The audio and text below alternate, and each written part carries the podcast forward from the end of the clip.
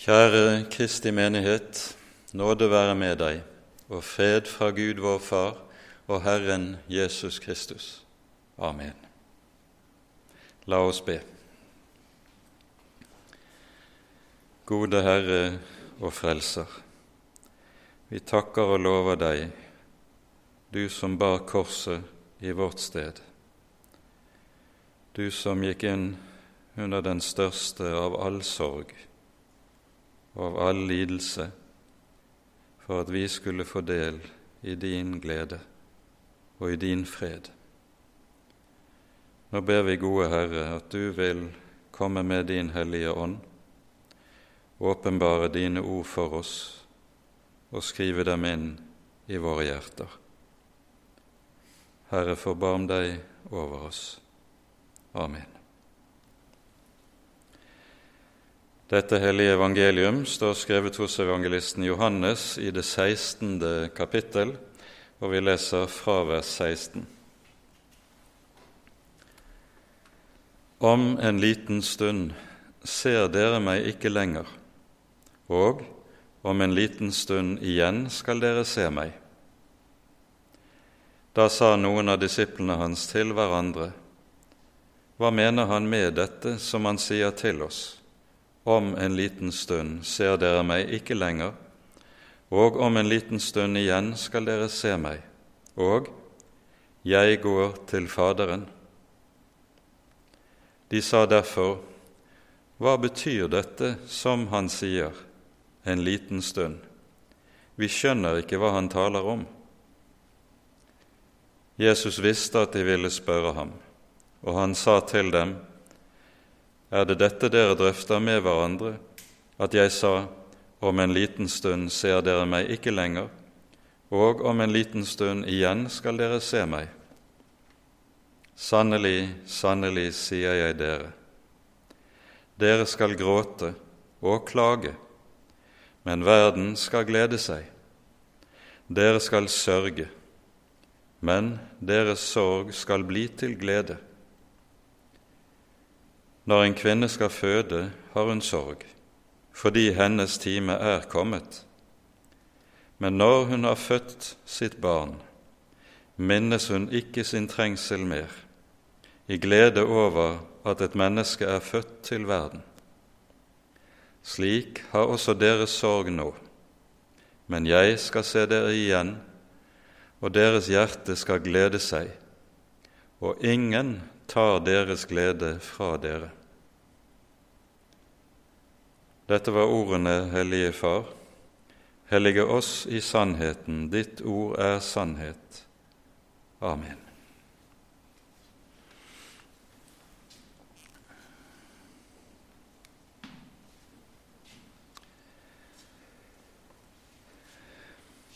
I disse kapitlene i Johannesevangeliet er vi inne i Jesu avskjedstale til disiplene som eh, handler om at han forbereder disiplene på det som ligger foran, både på det som skal skje i forbindelse med hans lidelse og hans død, som de fortsatt ikke forstår noe som helst av, men også det som ligger foran etter hans opphøyelse, når disiplene skal leve her i verden, og Guds rike utbres ved deres ord.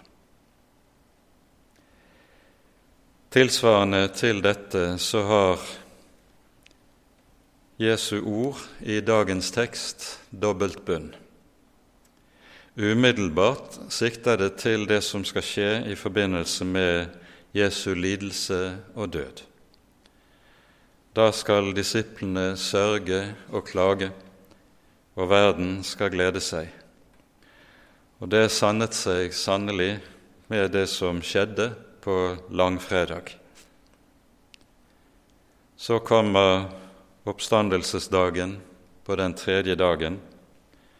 Jesus åpenbarer seg for disiplene, og vi leser i det tyvende kapittel i Johannes evangeliet da ble disiplene glade da de så Herren.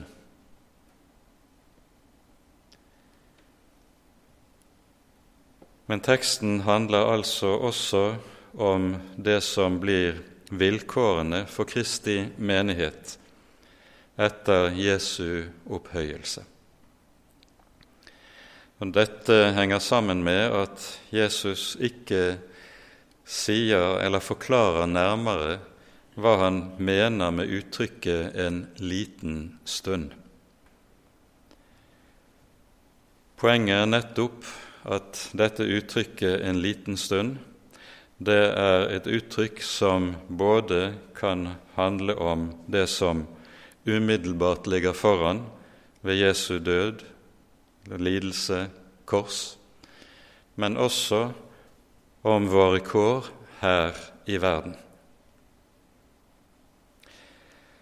Det som vi særlig skal merke oss med teksten, det er at Jesus ikke sier om en liten stund blir jeg tatt bort fra dere, men han sier om en liten stund ser dere meg ikke lenger. Det handler om dette grunnleggende å se Jesus. For disiplene var det å se Jesus livets innhold og glede. Og Det er slik med det greske verbet som anvendes i teksten. Det å se ham det har sammenheng med også det å forstå. Det er akkurat som det samme ordet 'to see' på engelsk. Du kan si at 'I see you' når du er sammen med et annet menneske, men du kan også si 'I see' når du dermed vil si 'jeg forstår'. Nøyaktig samme betydningsnyanser ligger det i det greske ordet 'for å se'. Så taler altså Jesus om at en liten stund skal disiplene ikke se ham. Og i dette ligger det som er kårene ofte for Guds barn og for Kristi menighet her i verden. Når Guds folk rammes av trengsel, når du og jeg rammes av det som volder oss smerte og lidelse, da er det ofte slik at vi ikke ser, vi ikke forstår. Og noe av det som kan gjøre lidelse, smerte og motgang tung og vanskelig, er nettopp det at vi overhodet ikke ser. Ikke ser lys i tunnelen, som vi sier det, og ikke forstår hvorfor det skal være slik. I denne sammenheng er det altså at Jesus taler om en liten stund. Og Nettopp dette uttrykket 'en liten stund' eller 'en kort stund' er et uttrykk som går igjen i en rekke sammenhenger i Den hellige skrift når den taler om den trengsel og lidelse som Guds folk må utstå her i verden.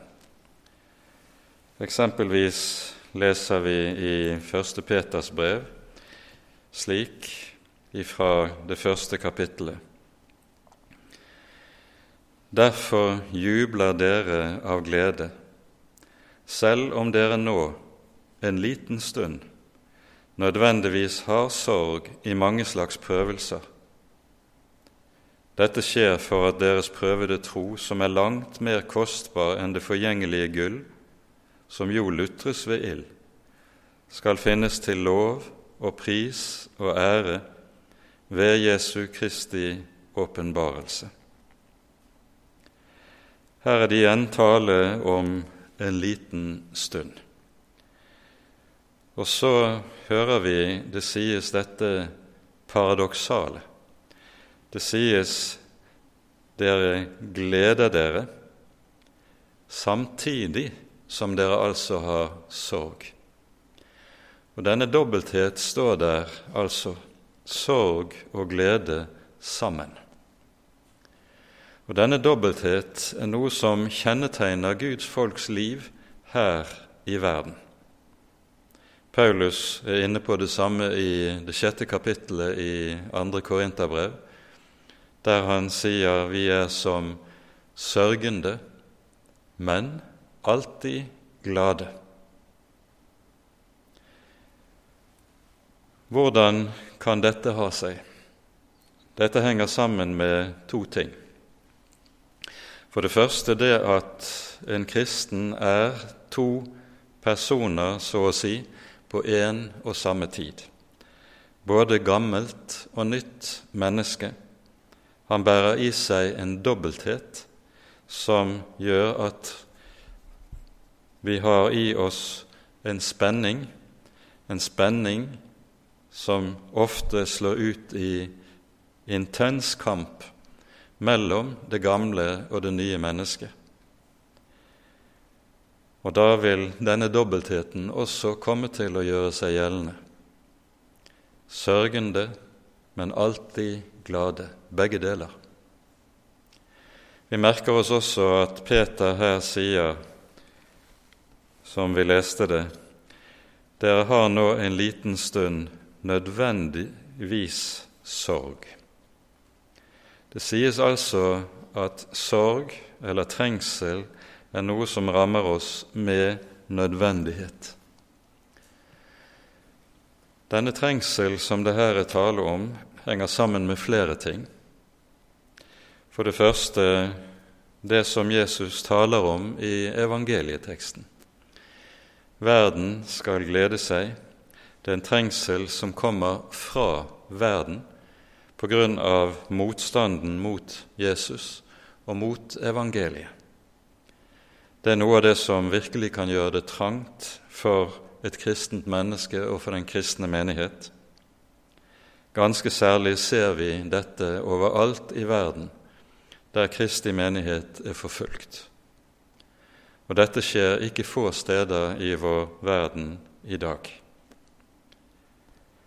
Og ofte kan de forfulgte nettopp fortelle om at de midt under store trengsler opplever samtidig stor glede i Herren. Men det henger også sammen med en annen sak, nemlig at når Gud arbeider med dette å døde vårt gamle menneske, så opplever vi trengsel og motgang.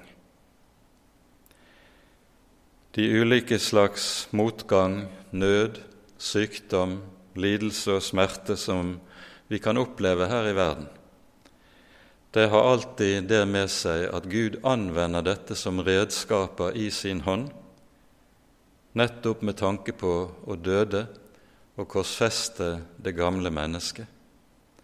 Trengselen blir altså en viktig del av Guds helliggjørende gjerning i våre liv. Når en kristen kommer inn i slike tider, tunge tider, mørke tider, vanskelige tider,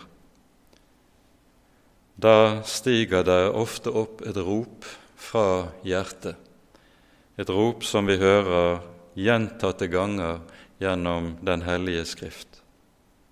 Hvor lenge, Herre, hvor lenge skal dette vare? Skal det ikke ta noen ende? Jeg ser ikke lys i enden av tunnelen. Herre, hvor lenge?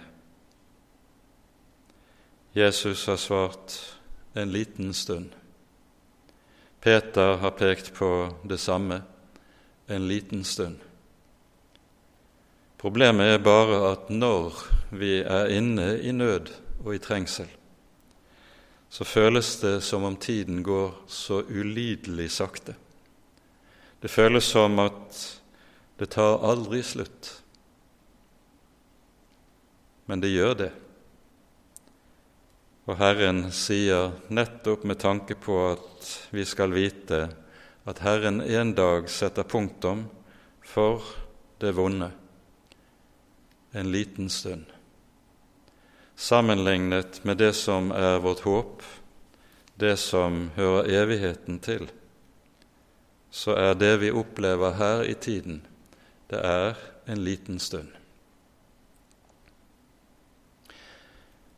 Vi pekte på dette i dagens tekst, at Jesus sier en liten stund ser dere meg ikke. For det som virkelig kan være med å gi frimodighet, håp og glede midt igjennom nød og trengsel, det er det å få øye på og få se Jesus. Under alle livets forhold dreier det seg alltid om det grunnleggende. Hva har du for øye? Hva er blikket vendt imot? Hva ser du? Paulus taler om dette i 2. Korinterbrev igjen, et brev som taler meget nettopp om lidelse og trengsel som et kristent menneske må oppleve. Og I slutten av det fjerde kapittelet i 2. Korinterbrev leser vi Derfor mister vi ikke motet, og selv om vårt ytre menneske går til grunne, så fornyes vårt indre dag for dag. For vår trengsel er kortvarig og lett, på ny en liten stund. For vår trengsel er kortvarig og lett, og virker for oss en evig fylde av herlighet i overmål på overmål, ettersom vi ikke har det synlige for øyet, men det usynlige. For det synlige varer en kort stund, men det usynlige er evig. Paulus taler her om at trengselen skaper noe, det utvirker noe i et kristent menneskes liv, i et kristent menneskes hjerte. Det sies at det virker en evig fylde av herlighet i overmål på overmål. Det er som om Paulus ikke kan bruke sterke nok ord for å beskrive hva det dreier seg om. Men hva er årsaken til at trengselen kan virke slik? Jo, det er vi har noe ganske bestemt for øye. Spørsmålet under all alle livets forhold, og ganske særlig når vi opplever nød og trengsel, er dette. Hva har jeg for øye? Hva ser jeg? I Hebreabrevet i det tolvte kapittel så lærer vi også noe ganske grunnleggende om denne sak. Vi leser fra vers 1 til 3 i Hebreane 12. Så la oss derfor, da vi har en så stor sky av vitner omkring oss, legge av alt som tynger, og synden som henger så fast ved oss, og løpe med tålmodighet i den kamp vi har foran oss, med blikket festet på Jesus, Han som er troens opphavsmann og fullender for å oppnå den glede som ventet ham, led han tålmodig korset, uten å akte vanæren, og han har nå satt seg på høyre side av Guds trone. Ja, gi akt på ham, som utholdt en slik motstand fra syndere, for at dere ikke skal gå trett i deres sjeler og bli motløse. Her sies det i vers 2 og tre på ny dette med blikket festet på Jesus. Gi akt på ham. Og Dette siste uttrykket, 'gi akt på', det betyr å målrettet rette blikket imot, og så la blikket henge fast der, henge ved. Gi akt på ham. La blikket være festet på Jesus. Så sies det skal dere ikke gå trett og bli motløse i deres sjeler. Når er det en kristen kan bli motløs? Det er når han retter blikket inn mot sitt eget hjerte.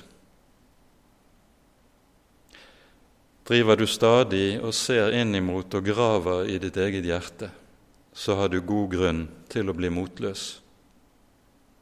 Ikke bare er det slik at der inne ser du så lite både av tro og av troens frukter, men i tillegg så ser du også så uendelig meget av synd og urenhet.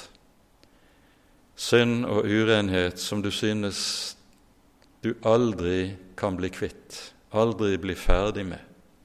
Det ligger der stadig vekk. Har du blikket stadig rettet innover, da skal jeg love deg, da har du gode grunner til å bli motløs. Men retter du blikket i stedet mot Han som er din frelser, da kan du også på ny hente kraft ifra dette, at hos Jesus har du en som har fridd deg fra alt det som ligger i ditt eget hjerte, fridd deg fra dine synder. Han har ikke bare fridd deg fra det du har gjort, men han har fridd deg fra det du er, fra det du bærer i ditt hjerte, og som du vet at du aldri klarer å rense deg selv ifra. Alt har han båret, Alt har han befridd deg fra. Regn med Jesus, så skal du ikke bli motløs i din sjel. Hvordan er det en kristen kan gå trett, slik som apostelen her taler om? Det skjer når blikket festes på alt det som gjør livet vanskelig, i stedet for å være festet på Jesus. Vi er jo sånn skrudd sammen at når vi opplever tunge ting i livet, så er det like som det som volder oss smerte, det tunge, det hypnotiserer oss. Blikket like som dras inn imot dette som er tungt og vanskelig. Og jo mer vi fester blikket på dette, jo verre blir det, jo trettere blir vi, fordi vi mer og mer tenker som så det er ikke noe lys i tunnelen. Det tar aldri slutt. Jeg orker ikke mer. Også i møte med dette så sier, sies det La blikket være rettet på Jesus. Jesus er den som kom, kom for å bære dine byrder, som strekker hendene ut imot deg og på ny sier til deg, Kom til meg, alle dere som strever og har tungt å bære, og jeg vil gi dere hvile. Legg merke til at dette løftet det er et løfte som er sagt uten forbehold. Jesus sier ikke 'Kom til meg, alle dere som er fromme'. Kom til meg, alle dere som er hellige. Kom til meg, alle dere som har seiret over deres synder. Nei, uten forbehold rekker han hendene ut og sier, Kom, alle dere som strever og har tungt å bære, kom til meg. Da skal du ikke gå trett og bli motløs i din sjel. Så forstår vi hvorfor Jesus taler om dette. En liten stund skal dere ikke se meg, og om en liten stund igjen skal dere se meg. For det handler om dette grunnleggende hva har jeg for øye, eller rettere hvem har jeg for øye? Har du Jesus for øye, så har du det du trenger, for da har du en frelser som aldri går trett av deg. Da har du en frelser som stadig fornyer sine løfter og som oppmuntrer deg og sier, Bi på meg, vent på meg. Jeg kommer, jeg skal ikke drøye. I Salme 30 leser vi slik.: Lovsyng Herren, dere Hans fromme. Pris Hans hellige navn. For et øyeblikk varer Hans vrede, en levetid Hans nåde. Om kvelden kommer gråt som gjest, om morgenen er det frydesang. Så opplever du kanskje natten i ditt liv. Men om morgenen kommer Herren, om morgenen er det frydesang. Og så må du i den tunge tid gjøre slik Herrens små alltid har gjort, bie på Herren. Slik det står i Salme 27. Vent på Herren, vær ved godt mot, og ditt hjerte være sterkt. Ja, vent på Herren. Ordet som er oversatt med 'å vente' her i grunnteksten, det betyr bokstavelig å vente lenge og tilsynelatende forgjeves. Men merk deg, det er bare tilsynelatende det forgjeves. For Herren kommer om en liten stund. Og så skal det sies også om deg. Da ble disiplene glade da de så Herren. For i Herren har du alt du trenger for tid og for evighet. Amen. Ære være Faderen og Sønnen og Den hellige ånd, som var, er og være skal, en sann Gud, høylovet i evighet. Amen.